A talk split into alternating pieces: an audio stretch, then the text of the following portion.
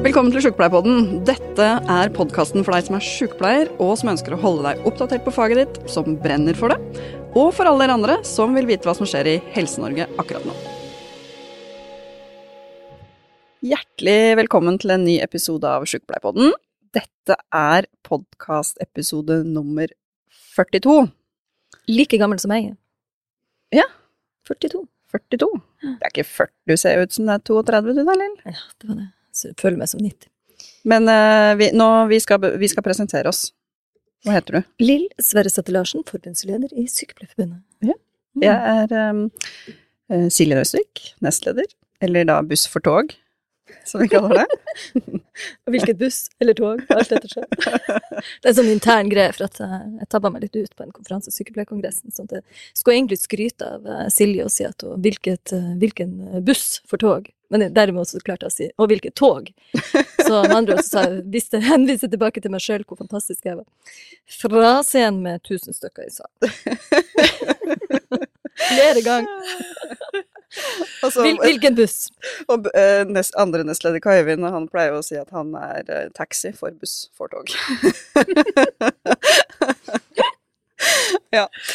Men uh, i dag så Det er en liten stund siden vi har spilt inn podkast, Lill, fordi at uh, hverdagen er så sjukt hektisk om dagen. Vi driver jo på med noen forhandlinger. Det er ting som skjer i mai hvert eneste år som gjør at vi får ikke gjort så forferdelig mye annet i mai enn nettopp uh, forhandlinger. April-mai. Det er veldig hektiske måneder. Mm. Er og så glemmer vi det litt. ikke sant? Vi ser på kalenderen, den ser ganske sånn grei ut. Uh, ja, nei, men det går fint, så kan vi spille inn en podkast, liksom. Og så kommer vi til stykket, så er jo faktisk alt fullt. Mm. Og så er det en del sånne, vi har jo noe internasjonalt gjennom verbene våre så har vi jo en del internasjonale um, oppdrag, eh, og det tenderer til å bli lagt i mai. Ja. I tillegg. Veldig praktisk. Du har nettopp vært i Brussel. Jeg har akkurat vært i Brussel på møte med altså, europeisk fagbevegelse. Uh, EPSU, uh, Public Service International. Det er en veldig artig gjeng. Uh, millioner uh, europeiske arbeidstakere er jo de representert med, og det er Mette Nord, som er leder i Fagforbundet, som er president i, i EPSU. Ja, men det som er mest imponerende med de møtene, syns jeg, da, det er simultantolkinga. Det er så morsomt, det. Der sitter det liksom en stor sal med da fagbevegelser fra hele Europa, og så sitter det tolker, sånn at hvis jeg snakker på norsk, så sitter det da noen og oversetter til engelsk, og så sitter det noen og oversetter fra engelsk til italiensk, spansk, tysk, russisk, finsk, svensk øh, Ja, you name it, altså. Det er, det er, litt av en sånn logistikkoperasjon, rett og slett, fordi at alle skal kunne være med i da den europeiske fellesskapet. For det, jeg la merke til Mette Nord, hun, um, hun talte på norsk. Jepp, hun snakker på norsk, og det er jo selvfølgelig en uh, ikke sant, Alle er ikke like flinke til å snakke engelsk. Så det, det, gjør jo at man kan faktisk være president i sånne store europeiske organisasjoner uten å kunne engelsk eller fransk, som er på en måte de språkene man snakker først og fremst. Og det er jo demokratisk veldig viktig, tenker jeg. Mm. Så var det digg for meg, da. Siden alle snakka norsk eller engelsk, så tenkte jo ikke jeg å, å ha på denne Hva heter det? Oversettinga så mye. Mm. Mm. Men ja, nå har vi vært så heldige at vi har fått besøk av Mariann Hussein. Hjertelig velkommen, Mariann. Tusen takk, Silje. Tusen takk. Og takk for at jeg ble invitert. Dette er jo kjempeviktig podkast, så jeg er veldig glad for å være med. Så tusen takk. Du sa du hadde gjort forarbeid og lytta til podkasten òg? Ja, det har jeg. Jeg har lyttet jevnt etter at jeg ble helsepolitiker, må jeg innrømme. Før det så var den ikke helt i Ja. Men, men, etter at jeg ble helsepolitiker, så har jeg lytta. Så tusen takk for det. Veldig bra podkast. Mm. Anbefales på det sterkeste. Mm. Tusen, tusen takk. For du er jo, skal vi kalle deg SVs helsetopp på Stortinget? Ja, topp av topp, fru Blom. Jeg er i hvert fall helsepolitisk talsperson, så, så ja. Jeg leder helsefraksjonen, som består av meg sjæl, mm. um, og er den uh, som ja, er med å utforme SVs um, ja, um, partipolitikk i, ja, i faktisk virke, da, i Stortinget. Både på hva vi skal mene om ulike saker, men også hva vi bør mene noe om, da. Mm. Du har gjort det veldig synlig. Du har stilt eh, flere spørsmål i Stortingets spørretime, både muntlig og skriftlig, for så vidt, eh, her i det siste. Ja, det står jo opp hver dag for å på en måte Både for å ansvarliggjøre statsråden for å gjøre mye av det vi faktisk er enige om, som er å bygge opp vår felles offentlige helsetjeneste til det bedre for både befolkninga og ansatte. Og når jeg ser at eh, ja, det er et forbedringspotensial i en del av de tiltakene som må på plass eh, ganske raskt, så må man si fra. Eh, jeg er litt sånn utålmodig sjel som eh, alltid har ikke deltatt i alle metadebattene, men deltar i de der hva må gjøres tiltaksdebattene, og, og der er det jo en del av spørreinstituttet også viktig for å kunne sette fokus på de viktigste sakene. Vil du si noe om de, de siste sakene som du har hatt oppe til debatt?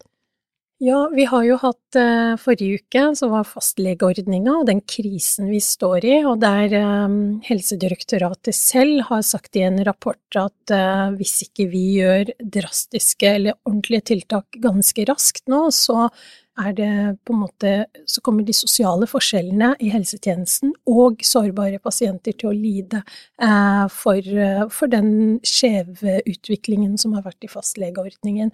Og der har statsråden ikke kommet med de riktige svarene. Eh, man kan jo egentlig si sånn indirekte at hun i det svaret sitt ansvarliggjorde meg og SV på Stortinget, at vi skulle bare klare å fikse fastlegekrisen i revidert nasjonalbudsjett, noe som er på en måte jeg så ikke at det var det som skulle komme etter oppfølgingen av den rapporten fra Helsedirektoratet. Um, og det Ja. Så det var, eh, det var, litt sjokkerende, egentlig. Men så har vi jo hatt uh, mange saker i det siste om både medikamenter, men også om, uh, om oppfølging etter uh, altså psykisk helse.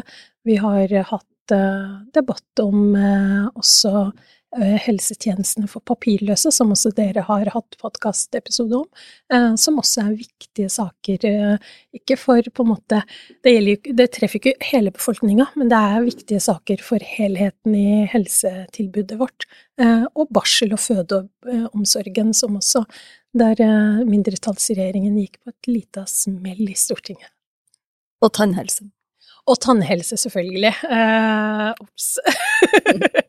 som jeg egentlig er programforplikta til å snakke om som nummer én hver gang jeg åpner kjeften.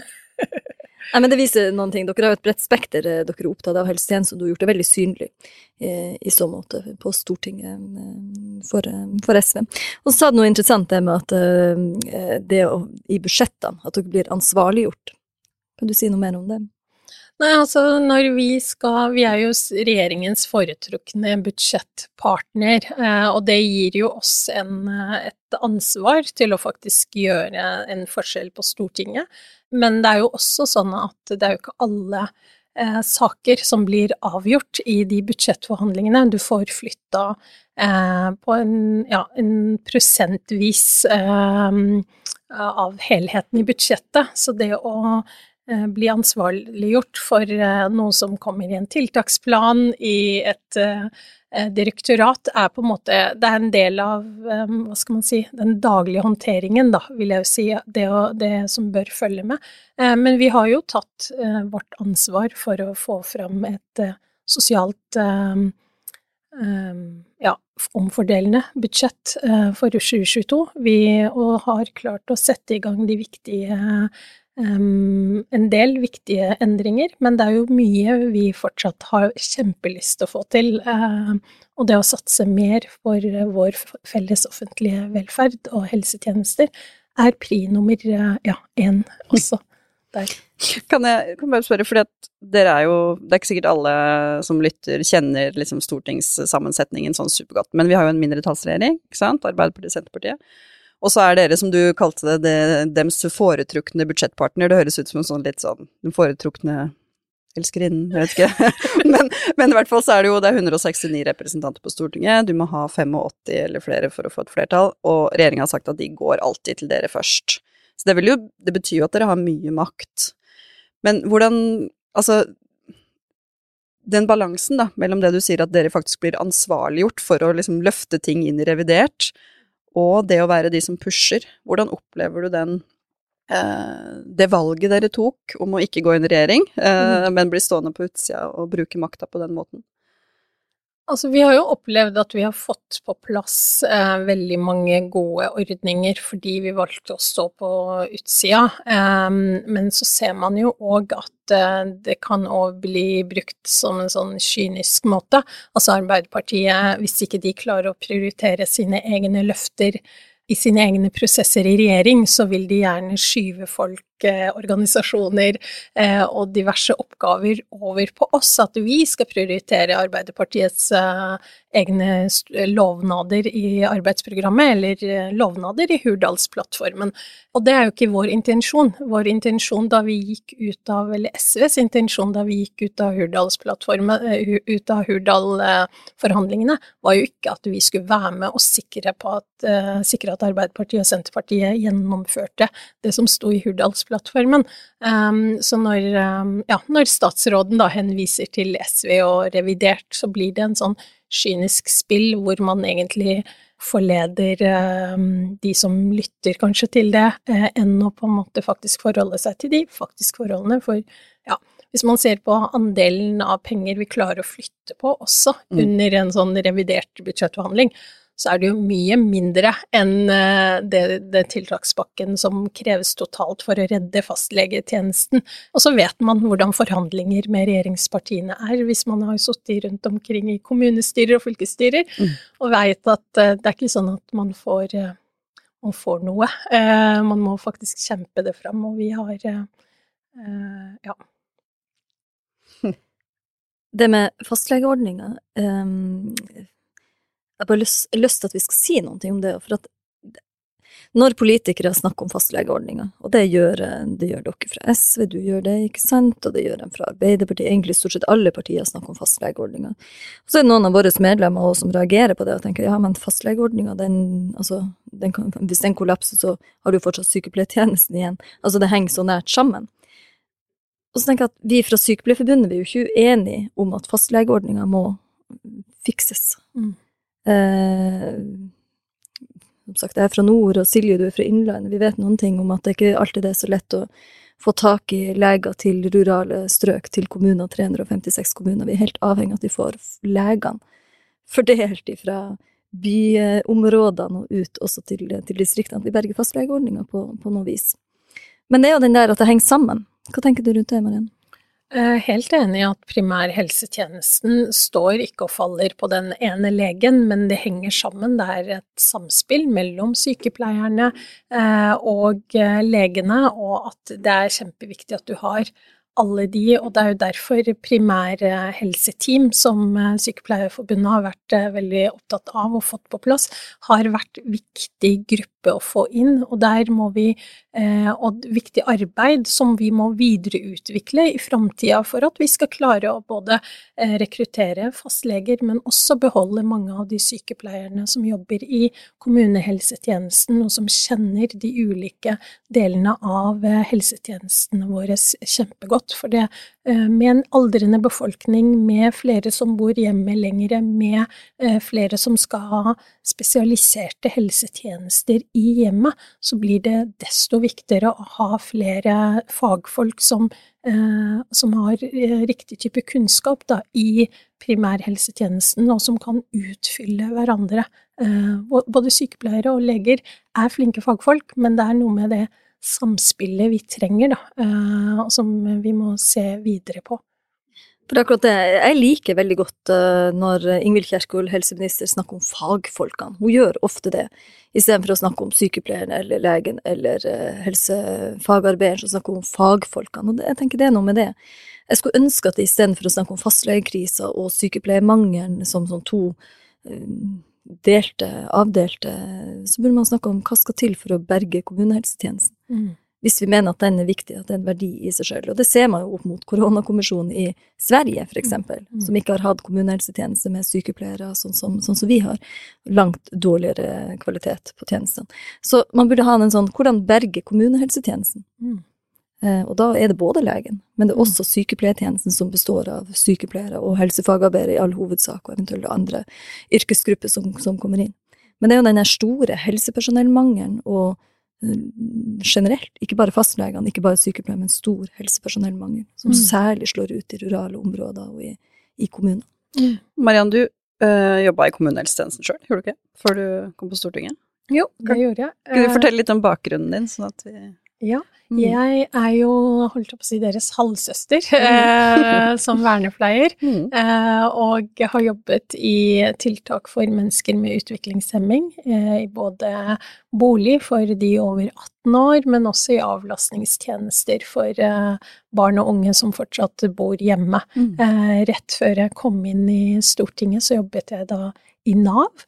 Eh, også da på en måte som helsepersonell der òg, for jeg jobbet først med de som hadde arbeidsavklaringspenger, og som var i kontakt med helsesektoren, og som trengte avklaring av eh, funksjonsnivå og videre forløp, men eh, hvor jeg også så som helsepersonell på ja, noe av den utfordringen som er i møte med altså Eh, hvor velferdsstaten i form av eh, Nav møter helsetjenesten mm. også.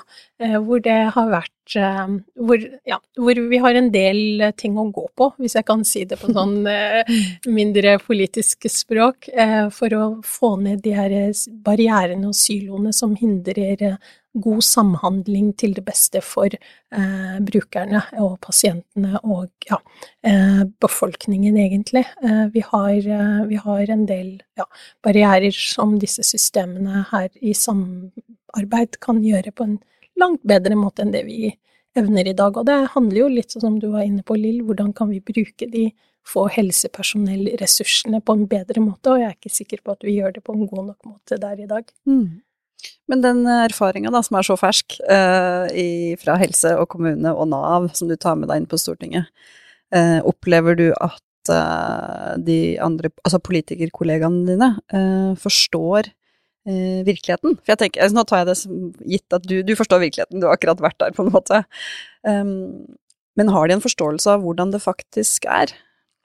Altså, vi er litt heldige i akkurat helse- og omsorgskomiteen, for der er det flere helsepersonell um, som er eh, Og flere av de er jo sykepleiere, faktisk, så det er jo flest sykepleiere i, i, den komiteen, yes.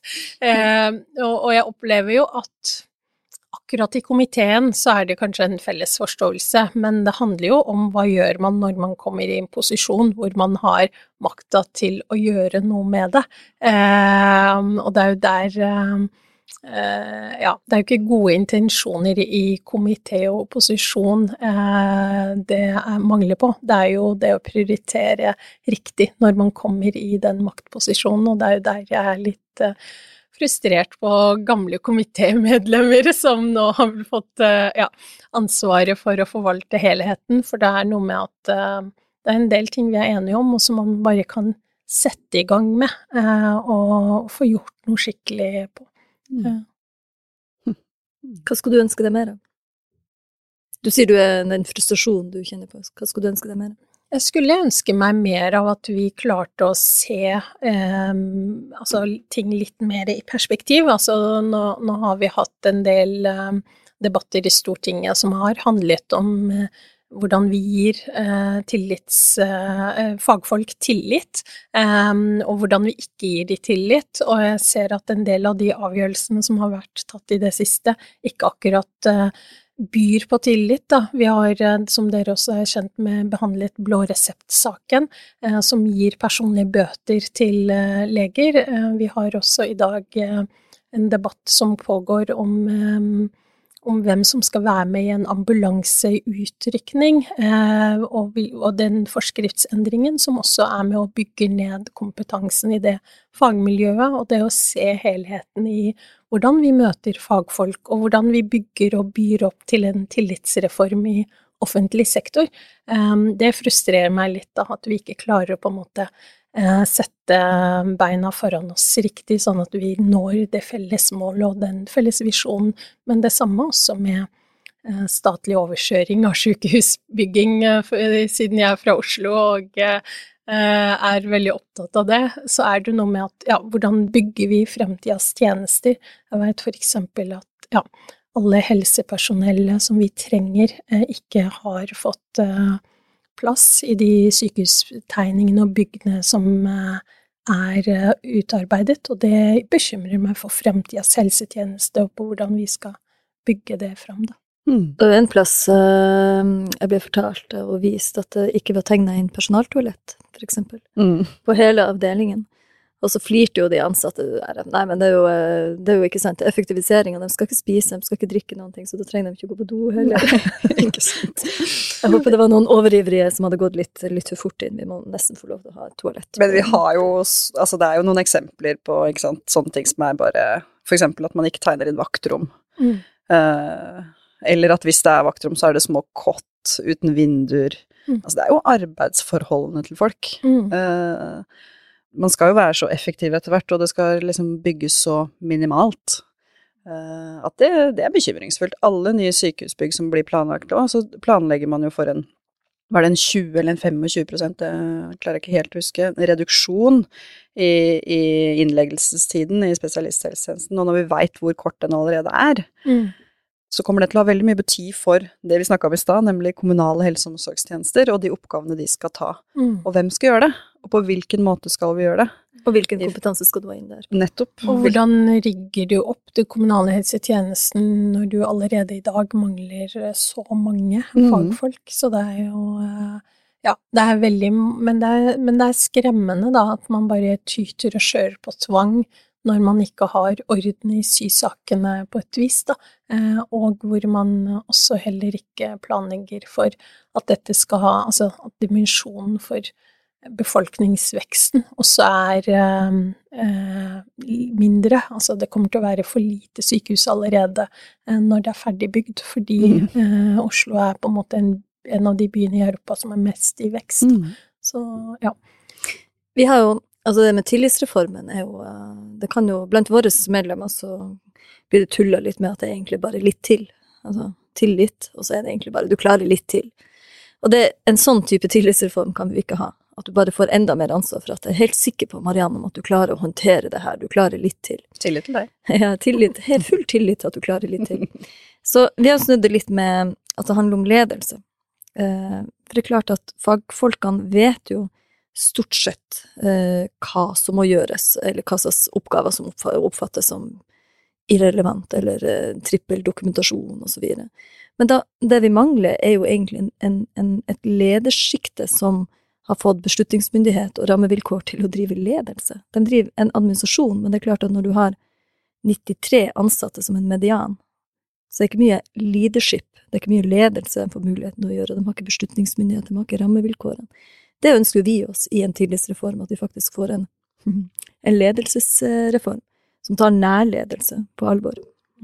Mm. Og eh, en annen ting, du har jo vært opptatt av dette, Lille, hørt deg tidligere, og, en, og, det var jo vel en av de tingene koronakommisjonen også sa i sin rapport, at de så at veldig mange mellomledere ikke hadde nødvendige administrative holdt på å si, teamet rundt seg til å faktisk nyttiggjøre seg av mye av det Eh, helsepersonellressursene som direktoratet hadde klarert. Ikke sant? Det er mm. veldig mange Og det viser jo på en måte til enhver tid også, hvis vi skal få ned sykefraværet, hvis vi skal øke prosentvisningen til eh, holdt opp å si, prosentansettelsen til folk, så må vi ha noen som klarer å ha helhetlig tankesett. Og hvis en leder til enhver tid bare slukker branner eh, for å på en måte komme seg gjennom den sommerferieavviklinga, eller gjennom det sykefraværet som kommer til å være i høst fordi folk har barn og begynner i barnehage og diverse. Du klarer ikke å ha en sånn eh, rød tråd gjennom personalutviklingen framover heller. Det her er jo noe som til og med Nå er det litt fest utpå Ja, de driver på å danse ute på gangen her. Syng og danse. Alt, alltid fest her. Ja. Nei, men som til og med Ole Erik Armli i, i, i, NHO sier noen ting om at det er jo ledelse, ikke sant. Du, du må ta det. Altså han, når han hørte hvordan situasjonen er med 93 som en median ansatte, så, så, så sier jo han også at det der går jo ikke an. Det er jo ikke sånn man, man kan ikke drive business eh, på den måten. Vi driver jo business også innenfor den offentlige sektoren her nå. Og da er det jo ledersjiktet man må gjøre noe med. Og det er klart vi har flere tusen skikkelig dyktige sykepleiere som er blitt ledere, som gjør det beste de kan ut fra situasjonen de står i. Men de, det er som du sier, de, de, legene får ofte et merkantilt personell i tillegg. Sykepleierne som blir ledere, får ikke det. Det forventes at de skal ta alt.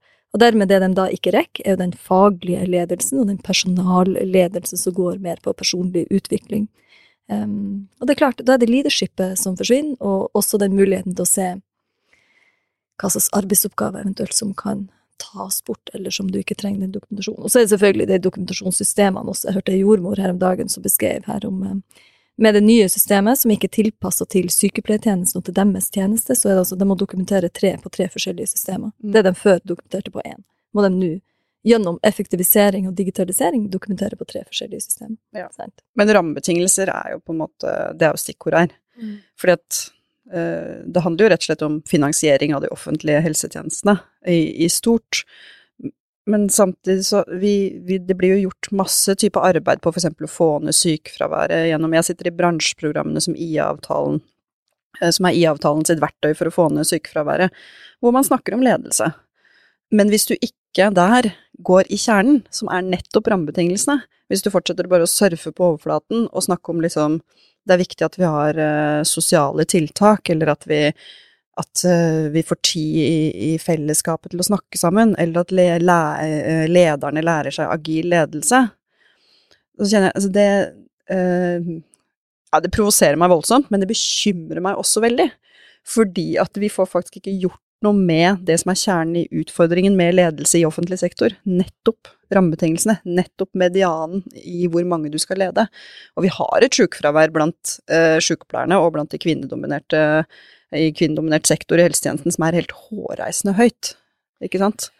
Vi har det, og så har vi jo ikke, ikke, nok med bare sykefravær, men vi har jo andelen som slutter å jobbe, altså blir uføretrygda, slutter å jobbe mm. i helsetjenesten til en viss alder, ikke sant. Det er, det er, veldig mange utfordringer, men jeg mener jo alle de utfordringene er symptomer på hvordan vi på en måte eh, annenrangsbehandler eh, helsepersonell og kvinnedominert sektor, eh, for de blir ikke sett på.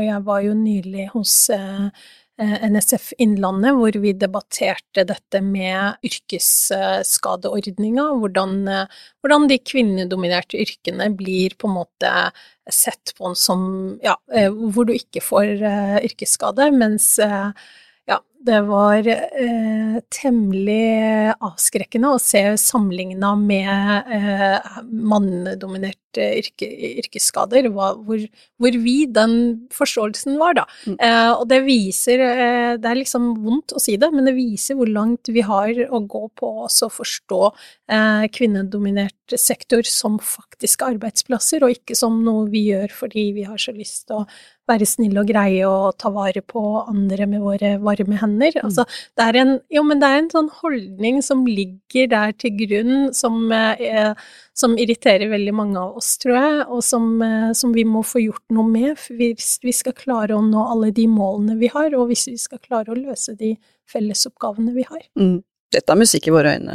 Ikke øyne, men ører. Både, både øyne. Øynene glitrer, ørene ja. lytter. Ja. Mm. Dette er vi veldig opptatt av. Ja, yrkesskade. Og jeg tror vi Og jeg håper jo at det er uh, liksom et momentum nå, fordi at det står i Hurdalsplattformen, som du sier. Uh, men det, det, er jo bare ord på papiret, så vi må jo virkelig pushe på for at det faktisk skal bli gjort noe med det. Mm. Hva er ditt tips til oss, hvis vi skal uh, få endra yrkesskadelovgivninga? Nei, jeg tror at nå er jeg så dårlig på navn, men jeg tror at de eksemplene som vi fikk eh, fra hun juristen som jobber her eh, Yvonne Frøen? Ja, og som var kjempeflink. Jeg tror det må bare illustreres mer og vises hvor sånn høl i huet det er, og at eh, ja, noen får det og andre ikke. Jeg tror vi må på en måte bruke de tallene og det faktagrunnlaget vi har, eh, på en mye bedre måte, og jeg tror at vi må på en måte slutte å være med på en sånn moraliserende eh, samtaler om at kvinner er sånn og slik, for det opplever jeg veldig ofte at det også ligger til grunn, da. Men at vi snakker om harde fakta, og det vet jeg at dere i Sykepleierforbundet er jo flinke til å ha, ha inn, og eh, ja. Jeg er veldig spent på det. Det er jo en utredning som foregår per nå, nettopp på hvordan man skal gjøre en vurdering av yrkesskade og yrkessykdom, lovgivning og Så vi, vi har jo spilt inn, spilt inn selvfølgelig der, og vi er veldig spent på resultatet av det. Mm. Det hadde vært et veldig viktig skritt på likestillingsveien og få liksom alle de kvinnene som jobber i den sektoren, som du veldig godt beskriver, Mariann. Og det her er jo noe som SV har vært med på å backe oss uh, gjennom hele veien på. Mm. Mm. Så takk for det. Å løfte de sakene òg, det har vært viktig for oss. Ja. Mm. Du, vi er nødt til å bli litt bedre kjent med deg, yes. fordi at du sa du var vernepleier. Mm. Men du har jo en spennende bakgrunn også, du, fordi at du er uh, somalisk opprinnelse. Ja, er, har det vært andre på Stortinget med den bakgrunnen før? Um, nei, ikke som faste medlemmer. Um, og ikke Jeg tror jeg var den første da jeg var vara i 2019. Uh, jeg tror jeg også jeg er den første med afrikansk bakgrunn ja. uh, som er fast representant, så jeg har ikke bare landet, men hele kontinentet mm, i ryggen. første med, med hijab? Det første med hijab også, ja. uh, med fast plass. Så det er uh, veldig mye første greier. Uh, men kanskje også første fra Stovner. Ikke sant? Første fra Stovner, ja. det er viktig. Ja. det bor jo masse folk der. Mm. Um, nei, så det er veldig, um, veldig artig. og så har det jo vært um, Ja, det, det er jo viktig for på en måte representasjon og folkedemokrati også, at uh, veldig mange av de unge ja, uh, som vokser opp i Norge i dag med bindestreksidentitet, opplever at jo da, politikk er også noe for de, selv om jeg aldri trodde at det skulle være noe for meg. jeg begynte å studere en sånn meta-religionshistorie da jeg var ferdig med utdanningen i ja, en eller annen gang tidlig i 2000-tallet. Og så fant jeg ut at nei, vernepleie var eh, det, det her metagreiene, debatten, det kunne ikke gi meg fast jobb, for jeg opplevde at jeg møtte veldig mange som hadde eh, studert religionshistorie som eh, ansatte i avlastningstjenesten der jeg jobbet, og tenkte sånn nei, jeg vil ha fast jobb når jeg er ferdig, så, så jeg tror at det å på en måte oppleve også at um, ja, arbeidslivet, som eh, veldig mange som velger sykepleierutdanning, vet jeg, i hvert fall i det somaliske miljøet, så er liksom eh, veldig mange jenter blir sykepleiere. Og det handler eh, kanskje også om at du får et du får en jobb. Mm. Du, du, kan bruke den overalt, men det viktigste er at du får en jobb, og det, og det Politikk er jo ikke alltid det, men jeg håper jo altså at flere kan si at jo da, du kan ha en vanlig jobb, og så kan du bli folkevalgt og tillitsvalgt eh, deretter, på en måte. At du alle ikke må gå og studere eh, statsvitenskap for å bli politikere. Ikke noe vondt ord om de, men eh, det er noe som har vært en sånn politikerskolen i lang tid i Norge. Men kommer du fra en politisk familie? Eller? Nei. Jeg kommer fra en politisk engasjert familie. Jeg kommer, Hvis man skal si noe om familien min, så er det jo veldig overrepresentasjon av sykepleiere. så med mange søskenbarn som har valgt det yrket. Så jeg, var, jeg skulle være unik, så da ble jeg vernepleier. jeg trenger vernepleier nå. Ja, nei, så det er um, Ja, så det var eh, Men det var veldig rart for veldig mange i familien at det var det jeg valgte å bruke fritida mi på. For det, mm. veldig lenge så har jo politikk vært noe jeg har brukt fritida mi på. Eh. Når ble du engasjert uh, politisk? Du, jeg ble vervet uh, på jobb uh, en sommer hvor jeg skulle få sommeravviklinga til å gå rundt av nå ei venninne i 2014. Så det var eh, seint i juli 2014 at jeg ble medlem. Jeg hadde vurdert å bli SV-medlem i 2013, eh, da um, Siv Jensen hadde den eh, ja, Morna Jensen-hilsninga si. Da kjente jeg sånn åh, nå må jeg gjøre noe. Eh, og da sendte jeg inn sånn bli medlem på nettsida, men når brevet kom og jeg skulle betale kontingenten, så ble jeg litt sånn så fikk jeg en sånn Ja, men kan jeg være medlem? For det man forbinder veldig ofte da eh, med politikk, er jo alle de flinke eh, nasjonale talspersonene som er på TV. Og jeg følte at jeg snakker jo ikke like bra som Kristin Halvorsen og Audun Lysbakken, og da ble jeg litt sånn Kan jo ikke delta i sånne foraer, så man tror jo at politikk er bare for flinkisene. Og så traff jeg da min nå venninne, men den gang kollega Andrea, som var helt vanlig eh, jente på min alder, og som sa at jo da, eh, vi er mange sånne som oss, så bli med. Eh, så det gjorde at terskelen for å bli medlem ble litt lavere, og det håper jeg at det gjør for eh, langt flere, også sykepleiere som lytter kanskje i dag, at dere tenker å vurderer å stille til valg eh, lokalt og nasjonalt, for det er, eh, det er jo i de kommunale eh, holdt jeg på å si, styremøtene også man trenger noen med erfaring fra gulvet. Mm. Kjære deg, for et fantastisk forbilde du, du er i så måte. Sant. Sitter og tenker på det at jeg hadde nok òg en sånn idé om at kan man stille, ikke sant, hvem er alle de flinke folkene? Og det er klart at når de er litt sånn som Sykepleierforbundet også blir kritisert for å være litt blenda hvit, og det er menn i 40 pluss som er liksom normen, så trenger vi det mangfoldet. Vi trenger det mangfoldet i, eh, som du sier, i styre og stell på nasjonalt nivå, men i kommunalt eh, nivå, og også i Sykepleierforbundet. sånn at hvis det er noen som hører og tenker at kanskje kan jeg stille til valg som, eh, som tillitsvalgt på ulike nivå, i Sykepleierforbundet også, ja, det kan du. Mm. Mm. Ja, det viktigste er jo at man bryr seg om den saken, og hvis man bryr seg om visjonen og arbeidsplassen sin, eller politiske visjonen, så er det jo kjempeviktig. Og så er det jo lavere terskel eh, når man først er innafor, eh, enn det vi innbiller oss før vi blir medlemmer. Eh, så det hva man kaller det, den derre eh, dørmile Dørstokkmila? Ja, dørstokkmila mm. gjelder jo også i holdt på å si, engasjement, enten ja. det er tillitsverv i Sykepleierforbundet eller i partipolitikken, altså. Altså du, du snakker vel så bra som, eh, som flere av de andre politikerne her, som, ja, som du nevnte opp. Og det er noen ting med at det som, det som jeg la merke til med deg helt fra starten av, er jo antagelig det engasjementet ditt som når, det når ut. Det er troverdig, det når meg når du prater. Det er ikke bare noe du har fått på et papir, et dokument som du skal lese opp eller fortelle noe om.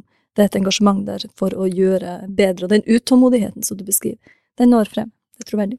Åh, takk. Det, ja, det, det, er jo det som får meg opp på morgenen.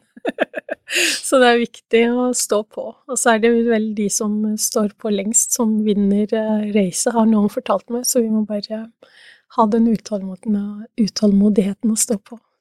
Men du som har tørt, da, for å si det sånn, du har tørt å liksom være den mange de første, som du sier, og så inspirerer jo det forhåpentligvis andre.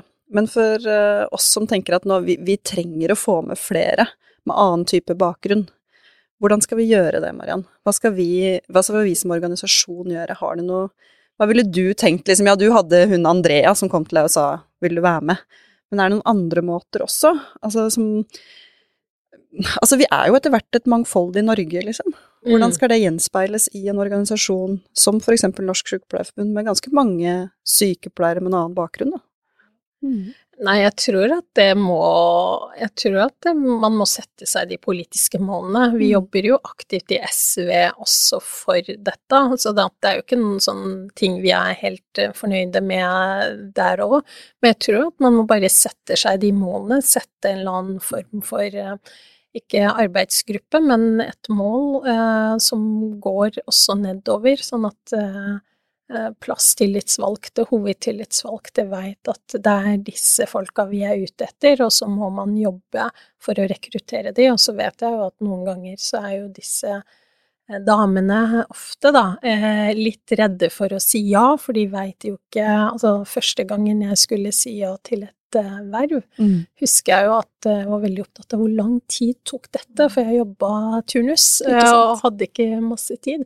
Så det å på en måte bygge ned um, Du vil jo ikke på en måte lage en sånn A- og B-lag, men bygge ned den derre uh, barrieren som forteller veldig mange ja, men dette får du ikke til. Mm. Bygge ned den, men også bygge opp at jo, men det fins muligheter. Du blir Eh, hvis du kommer så langt, så er det muligheter for frikjøp. For det, mm.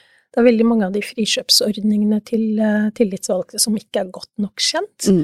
uh, opplever jeg i hvert fall, og de få jeg har snakket med som har blitt eller har vurdert. sånn at jeg tror at det er en del sånn på informasjon, men også skolering. Det å gi folk mulighet til å på en måte det, Der vet jeg jo at dere er gode eh, på skoleringstilbud, men det, å liksom, det er ikke alltid partipolitikken er gode på skoleringstilbud, Mm. eh, så det er viktig. Men det sette det som mål, sånn at når de ser at eh, Oi, Sykepleierforbundet har faktisk satt seg som mål å ha flere, så tror jeg at det kan gjøre noe med Mm. rekrutteringa òg. Jeg bruker også å si noen ting med at jeg kan ikke alt. Jeg og Silje kan mye til sammen, men vi kan ikke alt. Og det er noen ting, vi ser det selvfølgelig, det er en fordom. Ikke, ikke en sånn negativ forstand, men altså vi ser jo ting ut fra vårt perspektiv. Fra mitt perspektiv, ut fra Silje sitt perspektiv. Vi trenger det mangfoldet av perspektiv for å få en slags uh, sannhet. Uh, ellers så går vi jo glipp av noe. Vi mister jo noe. Og det er derfor det mangfoldet blir så usannsynlig viktig. Og det gjelder jo også i kommisjoner, for eksempel, Mariann. Eh, Jeg har vært litt irritert i det siste med en koronakommisjon som den tredje. Altså, på tre koronakommisjoner man ikke klart å få med en eneste sykepleier. Da mister man noe viktig, tenker jeg. Man visste jo noe veldig viktig, altså ikke noe vondt ord om på en måte noen av de andre profesjonene, men det er jo noen som har stått i front og har måttet, holdt på å si, prioritere eh, fra bør-oppgaver og må-oppgaver til dette, til koronahåndtering, og det er eh, ofte har det vært sykepleierne. Mm. Eh, For veldig mange så har det på en måte gått eh, business as usual også under korona, eh, men jeg veit også at eh, Eh, Det var, det, det var to ting som slo meg. Vi har jo snakka om det, eller teksta om det. det Én ting var jo dette med sykepleiere, og enda en kommisjon uten sykepleiere. Men en annen ting var jo også at det var ingen fra em, det jeg har liksom kalt eh, de områdene som har vært hardest ramma med høyest smittetrykk. Mm. Det er også en sånn eh, Da anerkjenner man kanskje ikke hva har befolkninga i disse områdene vært eh, utsatt for, og helsetjenesten i de områdene. For én ting er å være sykepleier i ja, bydel Stovner, en annen ting er å være eh, sykepleier i, i Stavanger kommune, ikke sant. Det, har- det har vært et sånt helt enormt uh, ulikt trykk. Og det burde vært en sykepleier fra Stovner, uh, bydel Stovner, i den kommisjonen. Og det hadde vært så bra. Mm.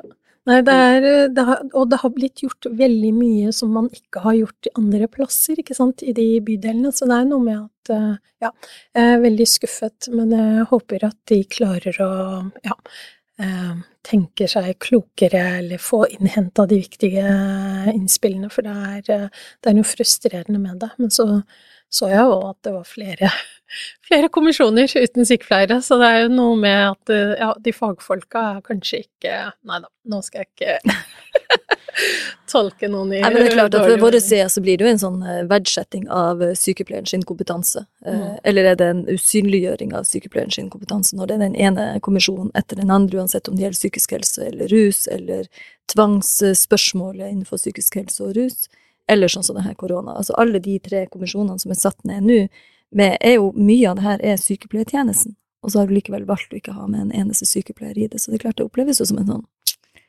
manglende verdsetting av sykepleien sitt eh, perspektiv. Det gjør det. Usynliggjøring er en eh, hersketeknikk, som vi i SV pleier å kalle ting når vi strukturelt eh, analyserer det, så ja. Mm.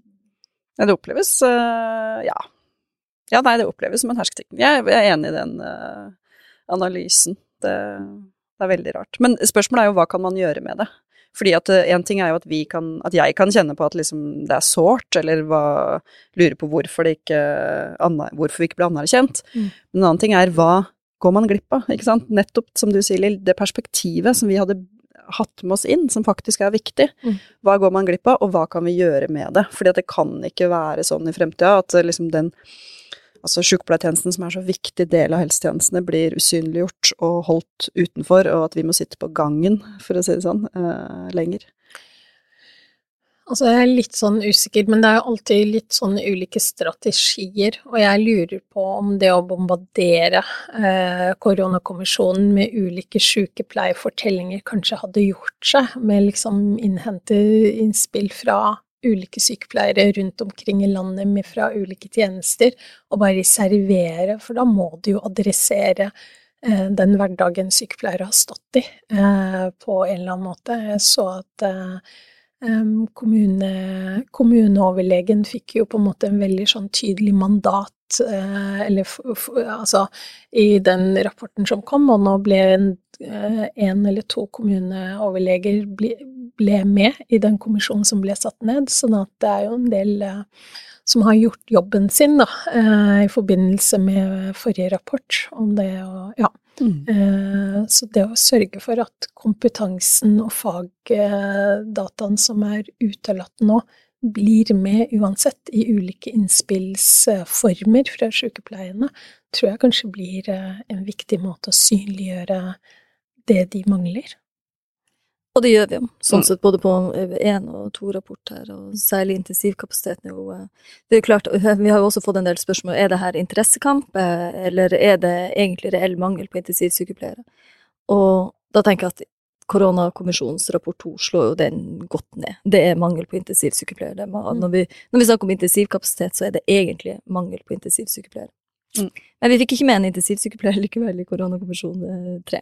Men sånn er det nå. Der er vi per nå. Men jeg tror sykepleier står nå 120 ganger da, i koronarapporten som ja. kom nå, så vi har klart å hamre det inn. Og så er det noen ting med det, det er egentlig akkurat det her, for at sykepleiertjenesten som blir så enormt viktig i kommunene, men også i de bydelene, når vi ser på forskjellen mellom Oslo øst og Oslo vest, som, som jeg og du, Silje, og Kai Øyvind, for så vidt. Altså, det er noe som vi er opptatt av i styret og ledelsen i Sykepleierforbundet, den ulikheten, den sosiale ulikheten. Og mye av det er jo knytta til, til, til, kommunene, altså til fastlegeordninga, til sykepleiertjenesten. Og så kjenner jeg på den samme utålmodigheten som deg, når vi driver på med å jodle med så mange andre småting, mens her har du store utfordringer, store problemer som kan og bør løses. Mm. Ja. Det er uh, helseulikheten. Hvis ikke vi gjør noen kraftige grep nå de kommende årene, så kommer det til å fortsette, og det er jo det man har sett uh, i det siste. At uh, det kommer flere og flere um, rapporter som viser hvor at vi ikke klarer å få ned levetidforskjellene. Vi lever ikke lenger i eh, altså med masse ja, dårlige arbeidsforhold i Norge som var i fortida, men vi har fortsatt eh, ganske lang levetidsforskjell mellom de som bor i Oslo øst og mm. Oslo vest, og det handler jo også om på en måte tilgangen på helsetjenester, tilganger på å bli diagnosert kanskje til uh, riktig tid. Jeg husker at for en del år siden så kom det en rapport fra Ahus som viste at kvinner med fødeland fra Somalia hadde jo eh, 50% sjanse for å dø av brystkreft mm. ennå. For, for, kvinner flest i Norge så er det eh, under 10 hvis jeg ikke husker helt feil. Altså at vi, vi, har kommet så langt i screening og eh, tidlig diagnosering i Norge at veldig få kvinner egentlig dør av brystkreft i Norge, fordi vi klarer å fange det opp så raskt. Men for en del kvinner i Norge så eh, er det 50% sjanse. Sånn at vi, vi, har en del eh, jobb å gjøre, og det handler både om kompetanse, men også tilgangen til tolk. Ikke sant? Det har jo kommet en ny tolkelov som vi håper kan revolusjonere mye av det arbeidet. Men der òg trenger du folk. Du trenger kompetanse i bestilling, så vi på en ny forskningsrapport. Så det er mye vi Mm. Uh, må jobbe og ja, balle med, som er uh, livsviktig. Og så er det mye annet som vi baller med, som kanskje er symptombehandling, som vi kunne ha um, gjort på mer effektive måter. Bare elsker det Karpe sitt, uh, sitt nyeste album her. og den måten de viser gjennom tekstene sine, det er altså, En av sangene som stiller masse spørsmål på slutten. Hvorfor, hvorfor, hvorfor, gjør du sånn her? Hvorfor går ikke du ofte til lege? Hvorfor måtte du ta den femte skjea? Og så videre. Mm. Eh, hvorfor går du og får diabetes? Mm. Eh, og det er noe med at vi, vi individualiserer ansvaret i helsen, helsetjenestene for så vidt òg, til deg sjøl. Du sjøl skal ta ansvar for å gå til lege, du sjøl skal ta ansvar for kostholdet ditt og ernæring osv. Og, og det er det ene måten du kan se på det, men det er jo det virksomhets- og ikke minst myndighetsansvaret vi har òg. Og nettopp det med forskning på den sosiale ulikheten. Hva er det som gjør Ikke bare hvorfor er det, hvorfor er det du som person som går hen og får diabetes, men hva er det som skjer i samfunnet ditt som gjør mm. At vi får en sånn ulikhet? Og vi forsker altfor lite på det, og vi er litt sein med tiltakene i så måte. den utålmodigheten på både som sagt, Oslo øst, Oslo vest, men også de rurale, rurale strøkene og de ulikhetene vi, vi, har der. Det er ekstremt viktig, og veldig veldig viktig for oss, um, oss i NSF uh, også. For der, der, ligger jo de store hovedproblemene. Og det må jo løses, og som vi har snakka om her, det er ikke varme hender. Det må løses med Omsorg er fint, men det må være omsorg som er knytta til den kompetansen som er nødvendig. Det er kjempeviktig. Og så se disse tingene i perspektiv og søyle i sammenheng, da. Eh, og eh, ja, det pågår jo en sånn debatt var det Civita som hadde en sånn debatt om eh, helseforskning og eh, regulering av eh, ja, brus og sukker og, si, mm. og, slikt, og ideologikampen hvorvidt om forskerne var venstrevridde eller om det er det som fungerer. Og, det, og der er det jo, ikke sant, helsetjenesten vår er eh, har veldig mye god forskning, eh, men så får du noen sånne ideologiske omkamper og kamper, og jeg mener at eh, Jeg sa det her om dagen, at eh, i abortkampen så har vi vært i en bakevje i åtte år, og nå opplever jeg også at i, i veldig mye av helsedebatten i Norge så har vi kanskje vært i noen bakevjer her og der for å faktisk Istedenfor å adressere det i de fire siste årene. Helseulikhet har jo ikke vært debattert eh, i norsk offentlighet på en stund. Vi har, eh, og vi henger litt etter med regulering av både sukkeravgifter og diverse andre ja. Og fra vår side så blir det mm. fort dreid over til lønna. Mm. Og lønna er jo viktig. Vi har mål om 650 000, som jeg vet eh, SV sånn sett støtter, men sier det skal være mellom partene. Mm. Men, men, men, det er jo ikke lønna i seg sjøl, det er jo lønna som er nødvendig for at du skal klare å holde folk i jobb de her fagfolkene en livsnødvendig kompetanse, at vi klarer å ha den på jobb. Nettopp for å løse de store utfordringene som er, som er i, også i verdens beste helsetjeneste, som, som vi til dels også har i Norge. Mm. Vi bruker jo enormt mye penger på å ansette nye sykepleiere veldig mange plasser, og hvis noen ledere der hadde klart å liksom regne ut hvor mye koster det å ha noen på opplæring, så hadde det jo vært eh, noe. Men vi skal Jeg tror vi har regna det ut. Ja. Er det 350 000 det koster for hver nye ansatte? Men nå må vi avslutte.